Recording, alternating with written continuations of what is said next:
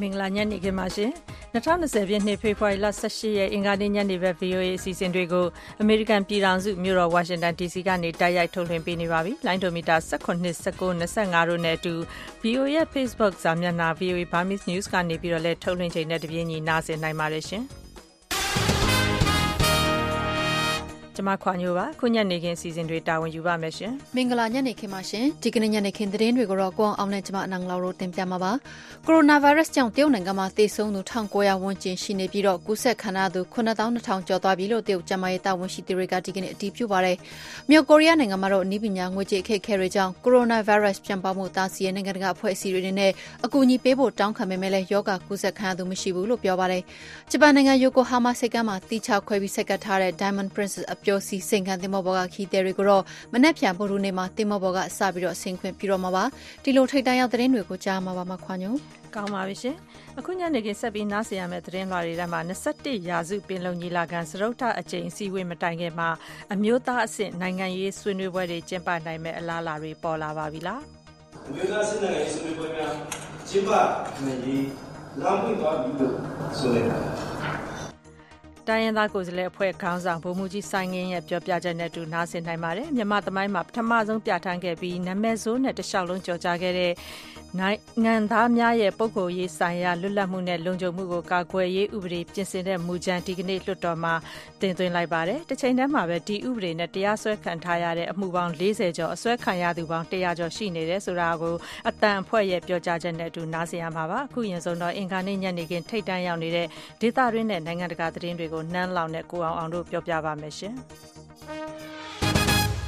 ကိုရိုနာဗိုင်းရပ်စ်ကြောင့်တရုတ်နိုင်ငံမှာသေဆုံးသူ1900ဝန်းကျင်ရှိနေချိန်မှာပဲကူးစက်ခံရသူ9200ကျော်သွားပြီလို့တရုတ်ကျန်းမာရေးတာဝန်ရှိသူတွေကအင်္ဂါနေ့မှာအတည်ပြုပါတယ်။ဒီကနေ့ထုတ်ပြန်လိုက်တဲ့နောက်ဆုံးစာရင်းထဲမှာတော့ယောဂကူးစက်ခံထားရတဲ့လူနာသစ်က1886ဦးနဲ့သေဆုံးသူ98ဦးလည်းပါဝင်ပါတယ်။ကိုရိုနာဗိုင်းရပ်စ်ကူးစက်ပျံ့နှံ့မှုကြောင့်တရုတ်ကျန်းမာရေးစနစ်အပေါ်အမဲစက်ထင်စေခဲ့သလိုရောဂါပျံ့နှံ့မှုကိုထိန်းချုပ်ဖို့ကြိုးပမ်းတဲ့အနေနဲ့လည်းဒေသတချို့ကိုတရုတ်တာဝန်ရှိသူတွေကအဝင်အထွက်ပိတ်ထားခဲ့တာပါ။ရောဂါကြောင့်အင်္ဂါနေ့ကသေဆုံးခဲ့သူတွေထဲမှာကိုရိုနာဗိုင်းရပ်စ်အဓိကကူးစက်ပျံ့နှံ့ခဲ့တဲ့ဟူဘေးပြည်နယ်ဝူဟန်မြို့ဝူချန်ဆေးရုံညွှန်ကြားရေးမှူး Liu Zhiming လည်းပါဝင်တယ်လို့နိုင်ငံပိုင်ရုပ်သံသတင်းဌာနကကြေညာပါတယ်။တရုတ်အစိုးရကထုတ်ပြန်တဲ့လက်တလောကိန်းဂဏန်းတွေအရရောဂါကူးစက်မှုကျဆင်းသွားကြောင်းကမ္ဘာ့ကျန်းမာရေးအဖွဲ့အစည်း WHO အကြီးအကဲဒေါက်တာ Tedros Adhanom Ghebreyesus က မနေ့ တနင်္လာနေ့မှာ ပြောဆိုခဲ့ပါတယ်။ဒါပေမဲ့လည်း တခြားဒေသတွေကိုပါ ရောဂါကူးစက်နေတာကြောင့် အခြေအနေတွေ ပြောင်းလဲသွားတာမျိုး ဖြစ်လာနိုင်သလို ရောဂါကူးစက်မှု ကျဆင်းသွားပြီလို့ ပြောဖို့ အချိန်စောလွန်သေးတယ်လို့လည်း ပြောဆိုခဲ့တာပါ။ ကိုရိုနာဗိုင်းရပ်စ်ကူးစက်မှုဟာသိပ်ကိုပြင်းထန်ပြီးထပ်ကူးနိုင်တဲ့အနေအထားရှိနေပေမယ့်ဟူဘေးပြည်နယ်မှာတော့အတော့်ကိုထိန်းချုပ်ထားနိုင်ပြီလို့လည်းဒေါက်တာ Tedros ကပြောဆိုခဲ့ပါတယ်။ရောဂါကူးစက်ခံထားရတဲ့လူနာ၈၀ရာခိုင်နှုန်းပြန်ကျန်းမာလာတယ်လို့လည်းသူကပြောပါတယ်။ WHO ရဲ့အဆိုအရတရုတ်နိုင်ငံပြင်ပမှာကူးစက်ခံထားရသူ၇၉၄ဦးရှိနေပြီးဂျပန်နိုင်ငံယိုကိုဟာမာဆိပ်ကမ်းမှာသီးခြားခွဲစိတ်ထားတဲ့ဇိမ်ခံသင်္ဘောပေါ်ကလူနာတွေလည်းအများအပြားပါဝင်တာဖြစ်ပါတယ်။မြောက်ကိုရီးယားနိုင်ငံမှာကိုရိုနာဗိုင်းရပ်စ်ကူးစက်ခံရသူမရှိသေးဘူးလို့ပြောပါတယ်။ နည်းပညာငွေကြေးအခက်အခဲတွေကြောင့်ယောဂကူးစက်ပြန့်ပွားမှုတားဆီးရေးနိုင်ငံတကာအဖွဲ့အစည်းတွေအနေနဲ့အကူအညီပေးဖို့တောင်းခံထားပေမဲ့လည်းယောဂကူးစက်ခံရသူတော့မရှိဘူးလို့ဆိုပါတယ်။မြောက်ကိုရီးယားအာဏာရကွန်မြူနစ်ပါတီသတင်းစာ ဒီ Rodang Sinman မှာဒီမြောက်ကိုရီးယားကျန်းမာရေးဆိုင်ရာတာဝန်ရှိသူတွေကိုကိုးကားပြီးကိုရိုနာဗိုင်းရပ်စ်ကူးစက်ခံရသူတယောက်မှမရှိသေးဘူးဆိုပြီးတော့ဖော်ပြထားတာပါ။သွာလာမှုကိုကန့်သက်ထားတာမျိုးပါဝင်တနိုင်ငံလုံးအတိုင်းအတာနဲ့တင်းတင်းကြပ်ကြပ်စစ်စစ်ထိန်းချုပ်ထားတာကြောင့်ကိုရိုနာဗိုင်းရပ်စ်ကူးစက်မှုကိုအောင်မြင်မြင်နဲ့ထိန်းချုပ်ထားလိုက်ပြီလို့မြောက်ကိုရီးယားအာဏာပိုင်တွေကပြောဆိုကြောင်းတောင်ကိုရီးယားယုံဟပ်သတင်းဌာနကဆိုပါတယ်။ နမိုးနီးယားလိုအသက်ရှူလမ်းကြောင်းဆိုင်ရာပြဿနာပေးတဲ့ဒီ COVID-19 ရောဂါကြောင့်လူပေါင်း1900လောက်သေဆုံးခဲ့ပြီးတော့9300ကျော်ကူးစက်ခံရတာပါဒီသေဆုံးကူးစက်ခံရသူအများစုဟာမြောက်ကိုရီးယားရဲ့အိမ်နီးချင်းတရုတ်နိုင်ငံကပါခေါင်းဆောင်ဆက်ဆက်လက်ထက်မှာနိုင်ငံတကာတိုင်းဝိုင်းနဲ့တစားတစားဝေးကွာလာတာကြောင့်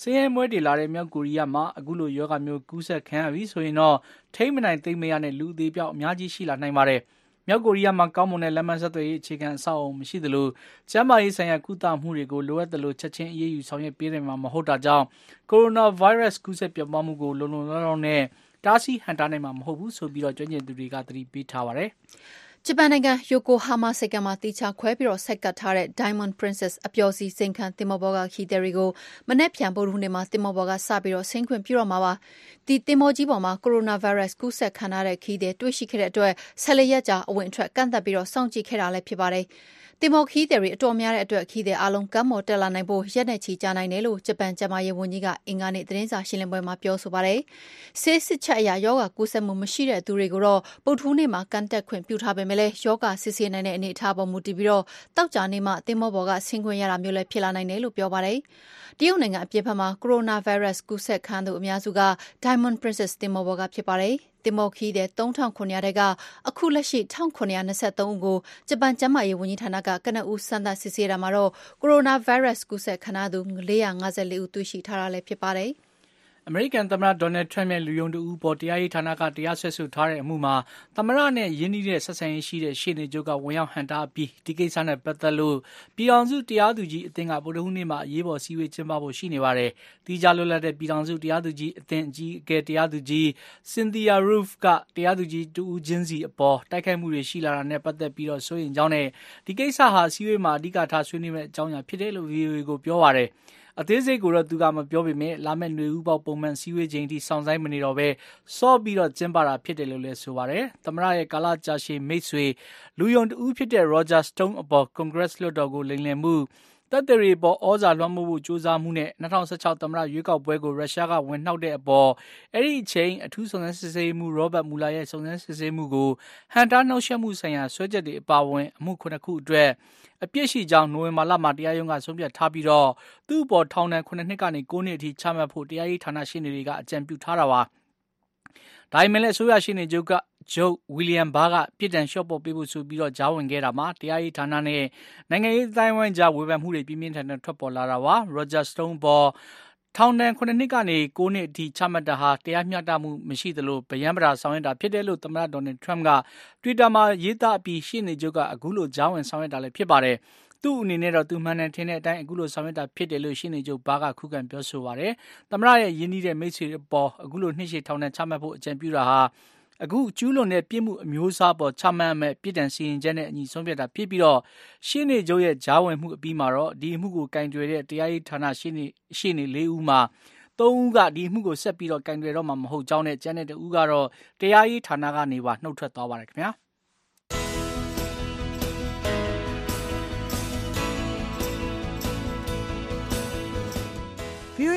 VOA American တန်ညနေဘက်မြန်မာဘာသာအစီအစဉ်တွေကိုညနေ6နာရီခွဲကနေညနေ9နာရီထိလိုင်းဒိုမီတာ7 kHz 10683ညလိုင်းဒိုမီတာ19 kHz 15563နဲ့လိုင်းဒိုမီတာ25 kHz 11965တို့ကနေထုတ်လွှင့်ပေးနေပါတယ်ရှင်။ VOA မြန်မာပိုင်းရဲ့အင်္ဂါနေ့ညနေခင်းထိတ်တန့်ရောက်သတင်းတွေကိုဆက်ပြီးတော့တင်ပြနေပါတယ်။ ထိုင်းနိုင်ငံဘန်ကောက်မြို့က Victoria Monument အနီးက ဈေးဝယ်စင်တာတခုမှာ ဒီကနေ့ နေ့ခင်းပိုင်းက သေနတ်သမားတယောက်ရဲ့ ပစ်ခတ်မှုကြောင့် အမျိုးသမီးတဦးသေဆုံးပြီး အခြားအမျိုးသမီးတယောက်ထက်မနည်း ထိခိုက်ဒဏ်ရာရသွားတယ်လို့ဘန်ကောက်ပို့စ်သတင်းစာမှာ ဖော်ပြထားပါတယ်။ဈေးဝယ်စင်တာလေးထပ်က The Icon အလှပြုပြင်ရေး ဆေးခန်းမှာ ညနေ ၃ နာရီခွဲလောက်က အခင်းဖြစ်ပွားခဲ့တာပါ။ အသက် ၂၈ နှစ်အရွယ် ဆေးခန်းဝန်ထမ်းအမျိုးသမီးတဦးရဲ့ ခေါင်းနဲ့ ခန္ဓာကိုယ်မှာ ကျည်ဆန်ထိမှန်ပြီး သေဆုံးခဲ့တာလည်း ဖြစ်ပါတယ်။ဒဏ်ရာရသွားတဲ့ အခြားဝန်ထမ်းအမျိုးသမီးကိုတော့ ဆေးရုံပို့ထားပါတယ်။ထွက်ပြေးလွတ်မြောက်သွားတဲ့ သေနတ်သမားကိုတော့ ထိုင်းရဲတပ်ဖွဲ့က အပြင်းထန် ရှာဖွေနေပါတယ်။ရဲတို့က ပိတ်ဆို့ရှင်းလင်းထားတဲ့ အခင်းဖြစ်ရာနေရာမှာ .45 ကယ်လီဘရာကျည်ဆံ ကျည်ကပ်အခွန်ခုနှစ်ခုနဲ့ကျည်ဆံတွေပြန့်ကျဲနေတာကိုတွေ့ခဲ့ရပါတယ်။အသက်ခံလိုက်ရတဲ့အမျိုးသမီးရဲ့ရည်စားဟောင်း Desoron Numcharoen ကိုတာဝန်ရှိသူတွေကတန်ရာရှိနေတာပါ။မနာလိုဝန်တိုစိတ်ကြောင့်ပြစ်မှုကျူးလွန်ခဲ့ပုံရတယ်လို့လည်းစုံစမ်းစစ်ဆေးရေးမှုတွေကပြောပါတယ်။ဒီတက်ခတ်မှုမှာအမျိုးသမီးသူတိတ်ဆုံးပြီးတော့နောက်တူဒဏ်ရာရတယ်လို့ရဲဌာနဒုတိယပြောခွင့်ရဗိုလ်မှူးကြီး Krisana Pannacharoen ကအတည်ပြုပြောဆိုထားပါတယ်။ ဥရောပသမဂ္ဂ EU နဲ့ BNN ကုန်သွယ်မှုသဘောတူညီချက်တရက်ကို အတည်ပြုလိုက်နိုင်ပါပြီ။ဥရောပကနေ ဗြိတိန်ခွဲထွက်ခဲ့တယ်လို့ BNN ရဲ့ လူခွင့်အခြေအနေနဲ့ ပတ်သက်ပြီးတော့စိုးရိမ်မှုတွေကြောင့် ဒီကိစ္စ အတည်ဖြစ်လာဖို့ နှောင့်နှေးကြန့်ကြာလိမ့်မယ်ဆိုပြီးတော့တွက်ဆထားတဲ့ကြားမှာပဲ အခုလို အတည်ပြုလိုက်နိုင်တာပါ။လွန်ခဲ့တဲ့သတင်းပတ်က ဥရောပသမဂ္ဂပါလီမန်မှာ ဥရောပသမဂ္ဂအဖွဲ့ဝင်နိုင်ငံတွေနဲ့ BNN ကြား ကုန်သွယ်ခွင့်လျှော့ချဖို့ ပါဝင်တဲ့ သဘောတူညီချက်ကို400မဲ192မဲနဲ့ အတည်ပြုခဲ့တာပါ။ဥရောပသမဂ္ဂကနေ ဗြိတိန်ခွဲထွက်တာကြောင့် ကုန်သွယ်ရေးထိခိုက်နိုင်မလားဆိုတဲ့ဆွေးနွေးမှုတွေအမေရိကန်သမ္မတဒေါ်နယ်ထရမ့်ကတရုတ်နဲ့ကုန်သွယ်ရေးစစ်ပွဲပေါ်အာရုံစိုက်ရာကနေဒီလအတွင်းဥရောပသမဂ္ဂပေါ်ကုန်သွယ်ခွင့်တိုးကောက်ဖို့ခြေလှမ်းလာတာကြောင့်ဥရောပသမဂ္ဂဟာတခြားနိုင်ငံတွေနဲ့ပါစီးပွားရေးပူးပေါင်းဆောင်ရွက်ဖို့အခွင့်အလမ်းသစ်တွေရှာဖွေလာတာပါကုန်သွယ်ရေးသဘောတူညီချက်ကို EU ဘက်ကအတည်ပြုလိုက်တာဟာ BNN အတွက်လည်းသတင်းကောင်းတစ်ခုပါကိုရိုနာဗိုင်းရပ်စ်ကူးစက်ပြန့်ပွားမှုနဲ့အမေရိကန်တရုတ်ကုန်သွယ်ရေးစစ်ပွဲကြောင့်စီးပွားရေးမှာအထိနာနေတဲ့ BNN ဟာအခုတော့ခြေလန်းသစ်တရက်ကိုစတင်နိုင်မှာပါ BNN ရဲ့လွတ်လပ်တဲ့ကုန်လွတ်လပ်တဲ့ ကုန်သွယ်ရေး သဘောတူညီချက်ဟာ အရှိတောင်အာရှမှာ ဒုတိယအကြိမ်ဖြစ်ပြီးတော့ပထမအကြိမ်ကတော့ စင်ကာပူနဲ့ပါ ဥရောပသမဂ္ဂဘက်က ကုန်သွယ်ခွန်ရှော့ကောက်မှကြောင့် BNN အနေနဲ့ ရေရွက်ပစ္စည်း အဝတ်အထည်တစ်သားနဲ့လုပ်တဲ့ ပို့ကုန်ပစ္စည်း အရေးအတွက် တိုးလာမှာဖြစ်ပြီးတော့ EU ဘက်ကလည်း အယ်ကိုဟောစက်မှုပစ္စည်းနဲ့ ဆေးဝါးတွေကို အခွန်ကတသက်တသာနဲ့ BNN ကို တင်ပို့နိုင်မှာပါခင်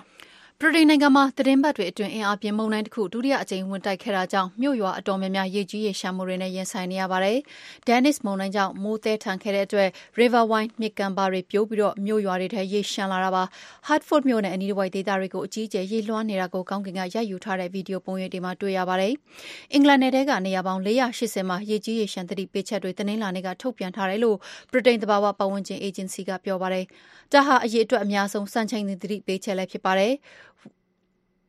Worcestershire နယ်ရာ Tenbury မြို့ကနေ တနင်္ဂနွေနေ့ကတည်းက ပျောက်ဆုံးနေတဲ့အသက် ၅၅ နှစ်အရွယ် အမျိုးသမီးတဦးရဲ့အလောင်းကို West Mercia ရဲဌာနက ရှာတွေ့ခဲ့တဲ့အတွက် မုန်တိုင်းကြောင့် သေဆုံးသူ ၃ ဦးထိ တိုးလာခဲ့တာပါ။မုန်တိုင်းဒဏ်ကြောင့် ကားလမ်းတွေ၊မီးရထားလမ်းတွေ၊အိမ်တွေနဲ့ စီးပွားရေးလုပ်ငန်း နေရာအတော်များများ ရေလွှမ်းမိုးခဲ့တာဖြစ်ပြီး ဗြိတိန်နိုင်ငံတဝှမ်း ခရီးသွားလာရေးအတွက်လည်း အနှောင့်အယှက် အဟန့်အတားတွေ ဖြစ်ခဲ့ရတာ ဖြစ်ပါတယ်။ ရာသီဥတုပြောင်းလဲမှုတိုက်ဖျက်ရေးအတွက်အမေရိကန်ဒေါ်လာ10ဘီလီယံလှူဒန်းသွားမယ်လို့ Amazon စီးပွားရေးလုပ်ငန်းတည်ထောင်သူ Jeff Bezos ကပြောလိုက်ပါတယ်။ကမ္ဘာ့အချမ်းသာဆုံးစာရင်းဝင် Bezos က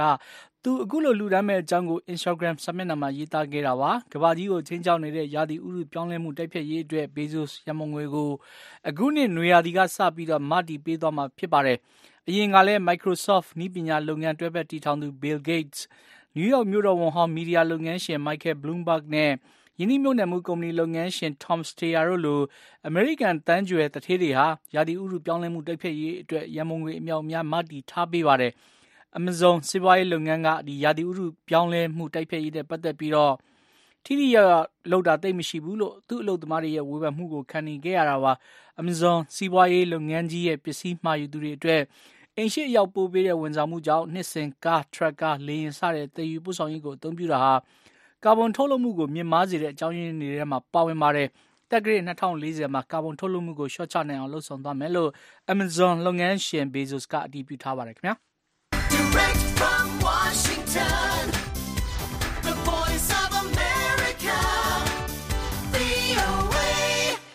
အင်္ဂါနေ့ညနေခင်း ထိပ်တန်းရောက်နေတဲ့ ဒေသတွင်းနဲ့ နိုင်ငံတကာသတင်းတွေကို နန်းလောင်နဲ့ ကိုအောင်အောင်တို့ပြောပြပေးသွားတာပါရှင်။အခု ဆက်သွယ်မေးမြန်းချက်တွေ သတင်းလွှာတွေဇက်တိုင်းနားဆင်ကြရမယ့်ထဲမှာတော့ ပြည်ထောင်စု ငြိမ်းချမ်းရေးညီလာခံ စတုတ္ထအကြိမ်မြောက် ကျင်းပနိုင်မဲ့အလားအလာကို အရင်ဆုံး နားဆင်ကြရမှာပါ။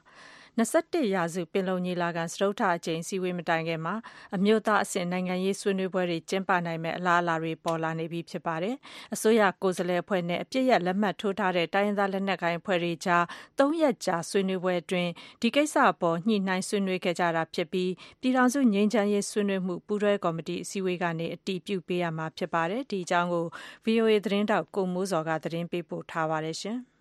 ဟုတ်ကဲ့2018ခုနှစ်က ကျင်းပတဲ့ ပြည်ထောင်စုငြိမ်းချမ်းရေးညီလာခံ21ရာစုပင်လုံ တတိယအစည်းအဝေးအကြိုကာလမှာ အမျိုးသားအဆင့် နိုင်ငံရေးဆွေးနွေးပွဲတွေကို ပြည်내အချို့မှာ ကျင်းပခွင့်မရသလို ကျင်းပဖို့ ပြင်ဆင်စဉ် တားဆီးခံရတာတွေ ရှိခဲ့တာပါလက်ရှိ ရန်ကုန်မြို့ အမျိုးသားပြန်လည်သင့်မြတ်ရေးနဲ့ ငြိမ်းချမ်းရေးဗဟိုဌာန NRPC ရုံးမှာ ၃ရက်ကြာ ကျင်းပတဲ့ အစိုးရနဲ့ NCA လက်မှတ်ထိုး တိုင်းရင်းသားလက်နက်ကိုင် ကိုယ်စားလှယ်အဖွဲ့တို့ရဲ့ ဒုတိယအကြိမ် အစည်းအဝေးမှာ အမျိုးသားအဆင့် နိုင်ငံရေးဆွေးနွေးပွဲတွေ ကျင်းပရေးအတွက် ညှိနှိုင်းနိုင်ခဲ့တယ်လို့ တိုင်းရင်းသားကိုယ်စားလှယ်အဖွဲ့ ခေါင်းဆောင် ဗိုလ်မှူးကြီး စိုင်းငင်းက အစည်းအဝေး အပိတ်မိန့်ခွန်းမှာ ထည့်သွင်းပြောကြားခဲ့ပါတယ်။မြို့သားစစ်နိုင်ငံရေးဆွေးနွေးပွဲများနဲ့ public consultation ကျင်းပနိုင်ရေးအတွက်လိုအပ်တဲ့ကြိုတင်ပြင်ဆင်မှုတွေကိုဆောင်ရွက်နိုင်ဖို့ညှိနှိုင်းဆွေးနွေးနိုင်ခဲ့ပြီ။မကြာခင်ကျင်းပမယ့် JC စည်းဝေးမှာအတည်ပြုပေးဖို့ဖြစ်ပါတယ်။မြို့သားစစ်နိုင်ငံရေးဆွေးနွေးပွဲများကျင်းပနိုင်ရေးလမ်းပွင့်သွားပြီလို့ဆိုလိုက်ပါတယ် အစိုးရကိုယ်စားလှယ်အဖွဲ့ရဲ့ ခေါင်းဆောင် NRPC ဒုဥက္ကဋ္ဌ ပြည်ထောင်စုရှေ့နေချုပ် ဦးထွန်းထွန်းဦးကလည်း အစည်းအဝေးပွဲက ရရှိလာတဲ့ အချက်တွေကို အခုလို ပြောဆိုပါတယ်။2020လို့ဒီစစ်လိုက်လုပ်ငန်းစဉ် စစ်လိုက်ကောင်းတဲ့ပုံအစ်အဆုံးစီကိုလည်း ကျွန်တော်တို့တစ်ဖက် အလုပ်ပွဲဘောတူညီရတယ်။တော့ဒီမိုကရေစီလက်ဆက်တဲ့ဆိုင်ရာ အချက်တွေကိုလည်း အများကြီးကျွန်တော်တို့ပြီးတော့ဒါမဲ့စီးပွားမှာဆိုတော့ကျွန်တော်ဒီချက်တွေပြီးပြနိုင်တယ်လို့ပြောနေပါတယ် အစည်းအဝေးပြီး ကျင်းပတဲ့ သတင်းစာရှင်းလင်းပွဲမှာတော့ နှစ်ဖက် အဆိုပြုချက်တွေထဲက အချက် ၈ ချက်ကို ဘုံသဘောတူညီချက် စုစည်းချက်အဖြစ် ရရှိခဲ့ပြီး ၁၂ ချက်ကတော့ ဆက်လက်ဆွေးနွေးဖို့ ရှိနေကြောင်း ထုတ်ဖော်ပြောဆိုခဲ့ပေမဲ့ ဒီအချက်တွေကိုတော့ အထက်ကို တင်ပြအတည်ပြုချက် ရယူရမှာကြောင့် အသေးစိတ်ပြောဆိုတာ မရှိခဲ့ပါဘူး။အစိုးရကိုယ်စားလှယ်အဖွဲ့နဲ့ တိုင်းရင်းသားကိုယ်စားလှယ်အဖွဲ့တွေဟာ ဒီလ ၁၆ ရက်နေ့က အပစ်အခတ်ရပ်စဲမှု ခိုင်မာရေးကိစ္စတွေကို အဓိက ဆွေးနွေးခဲ့ပြီး ၁၇ ရက်နဲ့ ၁၈ ရက်နေ့တွေမှာတော့ နိုင်ငံရေးကိစ္စတွေကို ဆွေးနွေးခဲ့တာဖြစ်ပါတယ်။နောက်တစ်ကြိမ် တတိယအစည်းအဝေးကိုတော့ မတ်လ ၅ ရက်၊၆ ရက်၊၇ ရက်နေ့တွေမှာ ကျင်းပဖို့ သဘောတူညီခဲ့ပါတယ်။ဒီကိုယ်စားလှယ်အဖွဲ့တွေရဲ့ ပထမအကြိမ်အစည်းအဝေးကို ဒီလ ၂ ရက်နဲ့ ၃ ရက်နေ့တွေက ကျင်းပခဲ့တာပါ ဒီအစည်းအဝေးပွဲတွေဟာ ၈ ကြိမ်မြောက်တနိုင်ငံလုံးပစ်ခတ်တိုက်ခိုက်မှုရပ်စဲရေး သဘောတူစာချုပ် အကောင်အထည်ဖော်မှုဆိုင်ရာ ညှိနှိုင်းအစည်းအဝေး JICM က ချမှတ်ခဲ့တဲ့ ပြည်ထောင်စုငြိမ်းချမ်းရေးညီလာခံ ၂၁ ရာစုပင်လုံ စတုတ္ထအစည်းအဝေး ကျင်းပရေးဆိုင်ရာ ဆုံးဖြတ်ချက် ၈ ချက်ကို အဓိက ဆွေးနွေးခဲ့တာဖြစ်ပါတယ် ပြည်ထောင်စုငြိမ်းချမ်းရေးညီလာခံ ၂၁ရာစုပင်လုံ စတုတ္ထအစည်းအဝေးကိုတော့ ဧပြီလ နောက်ဆုံးပတ်လောက်မှာ ကျင်းပဖို့ ပြင်ဆင်ထားပြီး ဒီအတွက်လည်း ညီလာခံဖြစ်မြောက်ရေးဆိုင်ရာ အစည်းအဝေးတွေကို ဆက်တိုက်ကျင်းပဖို့ ရှိနေပါတယ် ကိုမိုးစောစုံစမ်းတင်ပြခဲ့တာပါရှင်အခုဆက်ပြီးတော့ ဒီကနေ့ ပြည်သူ့လွှတ်တော်ကို တင်ခဲ့တဲ့ နိုင်လွတ်လုံ ဥပဒေ ပြင်ဆင်ရေးမူကြမ်းဘက်ကိုအလှည့်ပေးကြပါတယ် နိုင်ငံသားများ၏ပုဂ္ဂိုလ်ရေးဆိုင်ရာ လွတ်လပ်မှုနှင့် ပုဂ္ဂိုလ်ဆိုင်ရာ လုံခြုံမှုကို ကာကွယ်ပေးရေး ဥပဒေကို ပြင်ဆင်တဲ့ ဥပဒေကြမ်းတစ်ခုကို ဒီကနေ့ ပြည်သူ့လွှတ်တော်မှာ တင်သွင်းလိုက်ပါတယ် မြန်မာနိုင်ငံသမိုင်းတလျှောက် ပထမဆုံး ပြဋ္ဌာန်းဘူးတာဖြစ်တဲ့ အဲ့ဒီဥပဒေကို လိုသလို အသုံးချပြီး တရားစွဲဆိုနေတာတွေကြောင့် နာမည်ဆိုးနဲ့ကြော်ကြားလာပြီးတဲ့နောက် အခုလို ပြင်ဆင်ဖို့လှုံလာတာပါ ဘယ်ချက်တွေကို အဓိက ပြင်ဆင်ဖြည့်ဆွတ်ဖို့ ဥပဒေကြမ်းမှာ ဖော်ပြထားပါသလဲ ဝေဖန်သူတွေကရော ဘယ်လိုမြင်ကြပါသလဲ ဆက်သွယ်စုံစမ်းထားတဲ့ VOA သတင်းတောက်မတ်မေခကသတင်းပေးပို့ထားပါတယ်ရှင်နိုင်လွတ်လုံဥပဒေလို့နာမည်ကြီးနေတဲ့နိုင်ငံသားများရဲ့ပုဂ္ဂိုလ်ရေးဆိုင်ရာလွတ်လပ်မှုနဲ့ ပုဂ္ဂိုလ်ရေးဆိုင်ရာ လုံခြုံမှုကို ကာကွယ်ပေးရေး ဥပဒေကို ပြင်ဆင်မဲ့ဥပဒေကြမ်းတရက်ကို ဒီကနေ့ ပြည်သူ့လွှတ်တော်မှာ တင်သွင်းလိုက်တာ ဖြစ်ပါတယ်။ဒီဥပဒေကို2018ခုနှစ် မတ်လတုန်းက အတည်ပြု ပြဋ္ဌာန်းခဲ့တာ ဖြစ်ပါတယ်။အခန်း6ခန်းနဲ့ ပုံမှန်73ခုသာ ပါဝင်တဲ့ ဒီဥပဒေကို ထပ်တိုးပုံမှန်2ခု ထည့်လိုက်တယ်လို့အမကန်ပေးလို့ရတဲ့ ပုံမှန်အနေနဲ့ ပြင်ဆင်ဖို့ လုပ်တာဖြစ်တယ်လို့ ဒီဥပဒေချမ်းကို တင်သွင်းတဲ့ တရားစီရင်ရေးနဲ့ ဥပဒေရေးရာကော်မတီ အတွင်းရေးမှူး ဦးလှတန်းက VOA ကို ပြောပြပါဗျ။အဓိကကတော့ ကျွန်တော်တို့ကဟိုအာမခံပေးတဲ့ ပုံမှန်ဖြစ်အောင်လုပ်တယ်ဗျာနော်နောက်ပြီးတော့ တရားစွဲတဲ့ခါမှာ သက်ဆိုင်ရာလူကြီးဌာနရဲ့ ကြိုတင်ခွင့်ပြုချက်ကို ရယူရမယ်ဗျာ အဲ့ဒါအဲ့ဒါအဓိကပဲ ပုံမှန်30ပြင်ထားတယ်နော်30ကကြီးထက်တဲ့တာပဲဗျာအဲပုံမှန်ဒီလိုဆို ပုံမှန်ခုနှစ်ပါ တာမီချက်ကိုလို့ကောပုံမှန်ရှေ့ကကြီးမှငါးအထိ တာမီချက်တရားကိုလို့ကောဖောက်ပြကျူးလွန်ကြော ပြမှုထေရတည်ရင်ခံရတယ်ထို့သူကိုလည်း6လမှအများဆုံး3နှစ်ထိတိုင်ဝန်ချမိပြင်တဲ့3သိန်းမှ15သိန်းထိငွေတန်ချမှတ်နိုင်ပြီသက်ဆိုင်ဝင်ကြီးတဲ့ကြိုတင်ခွင့်ပြုရယူရပြီဆို14ကကြီးနေထည့်ထားတယ်ဟုတ်ပြီနော်အဲ့ဒါအဲ့ဒါတခုနောက်တစ်ခုကပြမှုများကိုအမကန်ပေးတဲ့တော့ပြမှုများစီတတ်မှတ်တယ်အဲခါကူးနေတဲ့တတ်မှတ်တယ်အဲအမကန်ပေးတယ် really ပဲဖြစ်သွားတော့ဗောနော်စစ်ဆိုးရလက်ထက်ကလိုနိုင်ငံသားတွေနောက်ကိုနောက်ရောင်ခံစောင့်ကြည့်ခံရတာ ဖုန်းဆက်သွယ်မှုတွေကိုကြားဖြတ်နားထောင်ခံရတာစတဲ့ပုံကိုရေးလွတ်လပ်ခွင့်တွေကိုထိပါခံရမှုတွေကကာကွယ်ပေးဖို့ရည်ရွယ်ကဒီဥပဒေကိုပြဋ္ဌာန်းခဲ့တာဖြစ်ပေမဲ့စတင်ပြဋ္ဌာန်းခြင်းကစလို့တလွဲအတုံးချမှုတွေကြောင့်နာမည်ဆိုးနဲ့သာကြော်ကြားခဲ့ရတဲ့ဥပဒေတစ်ခုဖြစ်လာခဲ့ရပါတယ်။ဒီဥပဒေကပြည်သူကိုအကာအကွယ်ပေးတဲ့ဥပဒေမဟုတ်ဘဲ ပြည်သူကိုဒုက္ခပေးတဲ့ဥပဒေအဖြစ်လက်တွေ့ကျင့်သုံးနေတယ်ဆိုပြီး ဥပဒေပညာရှင်တွေက ထောက်ပြခဲ့ကြပါတယ်။ရှေ့နေဦးသိန်းတန်းဦးကတော့ဒီဥပဒေဟာမရှိသင့်တဲ့ဥပဒေတစ်ခုလို့သူကရှုမြင်ပါတယ်။ကျွန်တော်မဟုတ်တဲ့သဘောမကျဘူးဒီဥပဒေလေ။နော်ဟိုဒါရနဲ့ဥပဒေကျင့်ရတဲ့လူတွေရဲ့ရွေချက်ကိုသိနေလို့တာပေါ့နော်။ဒါကြတော့ဒါလူလူကောင်းဘူးပေါ့။ ဖြစ်တော်ကိုယ်လည်းအများကိုကာဝယ်ဖို့အတွက်လုပ်တာပေါ့နော်။အဲဒါနဲ့တကယ်အကာအကွယ်ပေးနေကိုလည်းခင်းနေတယ်။ဘာလို့ဒီလိုမျိုးနဲ့ပတ်သက်လို့ရှိရင်ဒီမိုကရေစီရှိလာပါတယ်ဆိုတဲ့နိုင်ငံတွေမှာလည်းအဲ့ဒီရှိတဲ့ကပါတယ်။မဒီလိုလည်းကုသရေးကာကွယ်ရင်တွတ်တော်ကုသရေးကာကွယ်ရင်လည်းဒီအောင်းနေတဲ့ဥပဒေကြီးပဲဖြစ်နေတယ်။မလို့အဖက်နဲ့အချင်းချင်းတော့တိုက်ခိုက်တဲ့လူတွေတကူရကာလာဖြစ်နေတာလေ။အဲ့လိုအနေအထားမျိုးဖြစ်နေတဲ့အတွက်ဒီဥပဒေကတော့ကျွန်တော်တို့တို့တရားပြောပြရရင် ဟိုဒီကွာဒီဥပဒေထွက်တယ်တဲ့ဖြတ်တောင်ဖြတ်သိမ်းတဲ့ဥပဒေတွေဖြစ်တယ်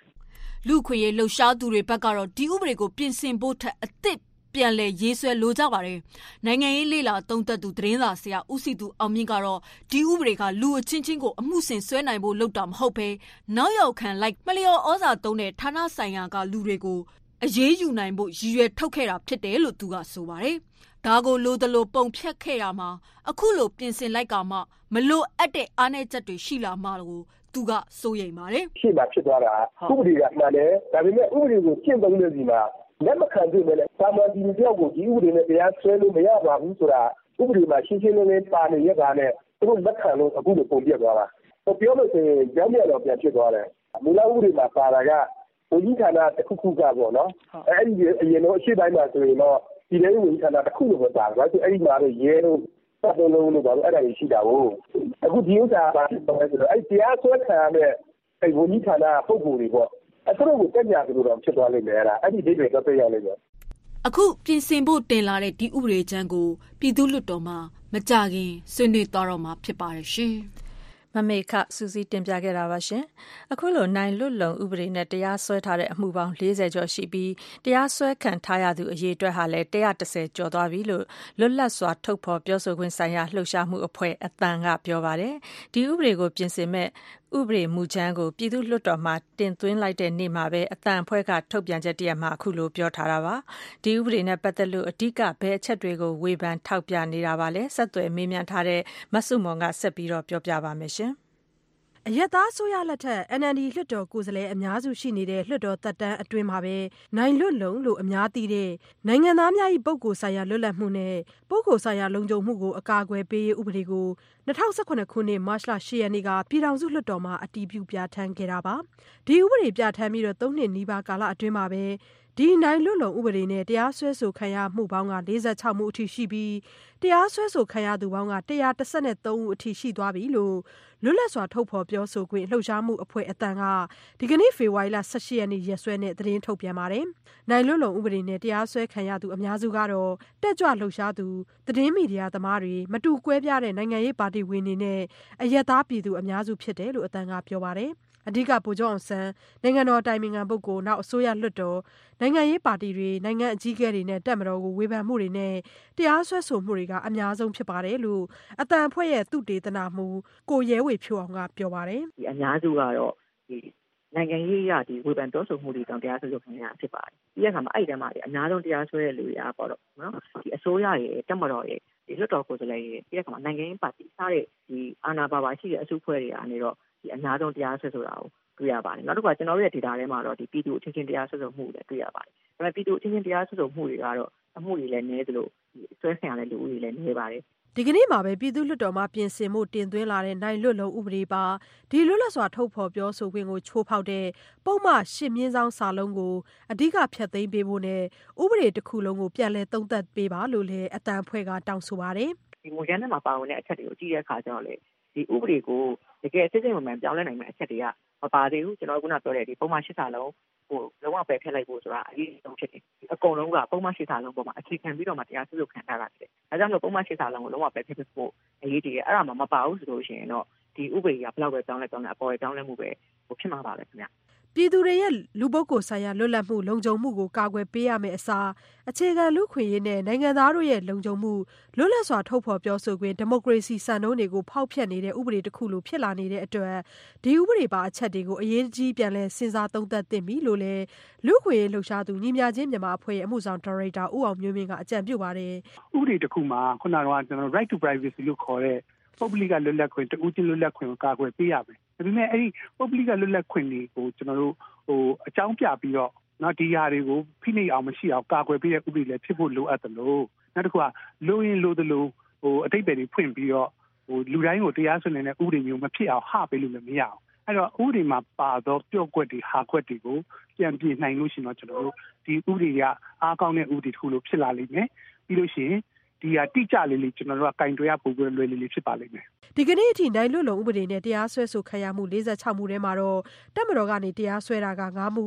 အစိုးရအဖွဲ့နဲ့လွှတ်တော်ကိုဝေဖန်လို့ဆိုပြီးတရားစွဲဆိုတာက15မှုနိုင်ငံရေးပါတီတွေကတရားစွဲဆိုမှု9မှုနိုင်ငံတော်တိုင်ပင်ခံနဲ့ဗိုလ်ချုပ်အောင်ဆန်းကိုဝေဖန်လို့ဆိုပြီးဂျားလူကတရားစွဲဆိုမှုအပါအဝင်ပြည်သူချင်းချင်းတရားစွဲဆိုမှုတွေပါဝင်ပြီးတက်ကြွလှုပ်ရှားသူ12ဦးအရက်သား85ဦးသတင်းသမား4ဦးနိုင်ငံရေးပါတီဝင်15ဦးစသဖြင့်ပါဝင်ပါတယ်လက်ရှိနိုင်လွတ်လုံဥပဒေနဲ့တရားစွဲခံရရင်အာမခံမရမယ့်အပြင်ပြစ်ဒဏ်တွေကတော့အ ਨੇ ဆုံးထောင်ဒဏ်6လကနေအများဆုံးထောင်ဒဏ်3နှစ်အထိကြခံရမှာဖြစ်ပြီးအ ਨੇ ဆုံးဒဏ်ငွေ3သိန်းကနေအများဆုံးဒဏ်ငွေ15သိန်းအထိချမှတ်ခံရနိုင်ပါတယ်ရှင်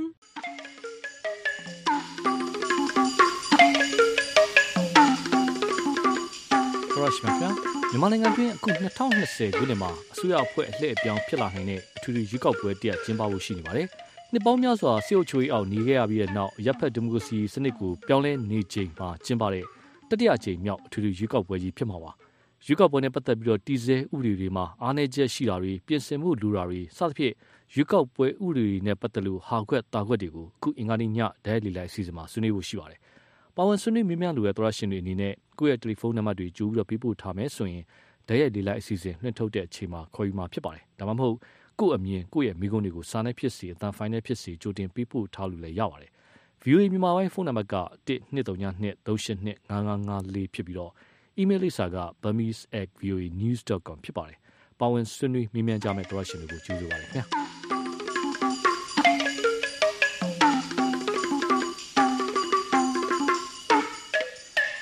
ည9နာရီခွဲနောက်ပိုင်းမှာ ထုတ်လွှင့်မဲ့ဓာတ်ရိုက်လေးလိုင်းမှာ ပါဝင်ဆွေးနွေးလို့ရင် အချိန်မီ ဆက်သွယ်ကြဖို့ ထပ်ပြီးတော့ဖိတ်ခေါ်ပါရရှင်။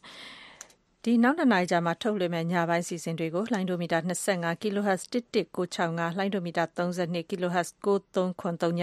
လိုင်းဒိုမီတာ51 kHz 9885 နဲ့ ပထမနိုင်ဝက်မှာ လိုင်းလက်မီတာ190 kHz 1595တို့နဲ့အတူ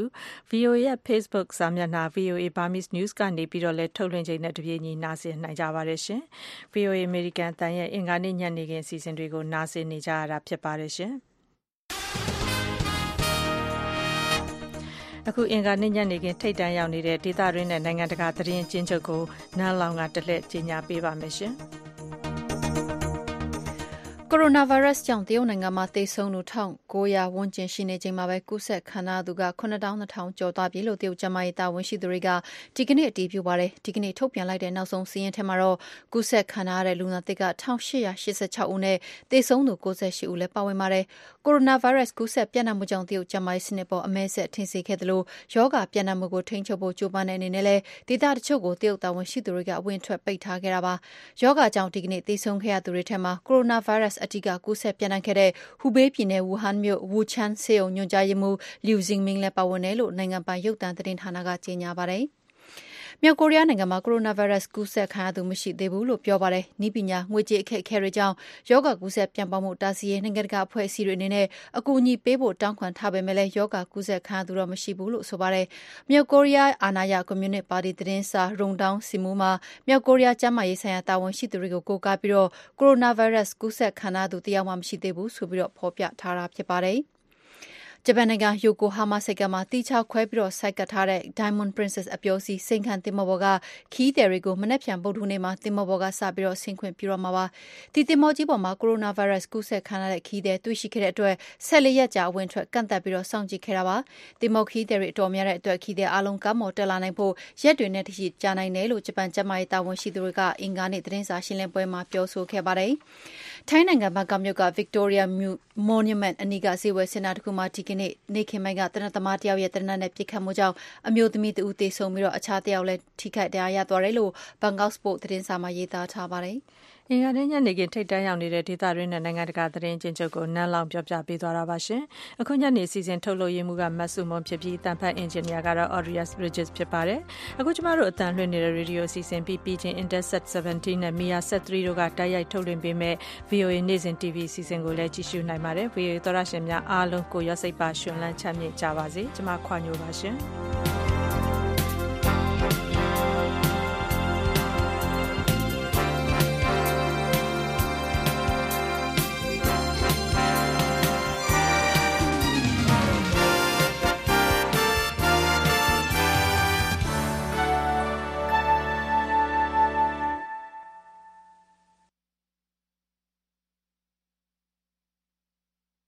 This program has come to you from the Voice of America, Washington.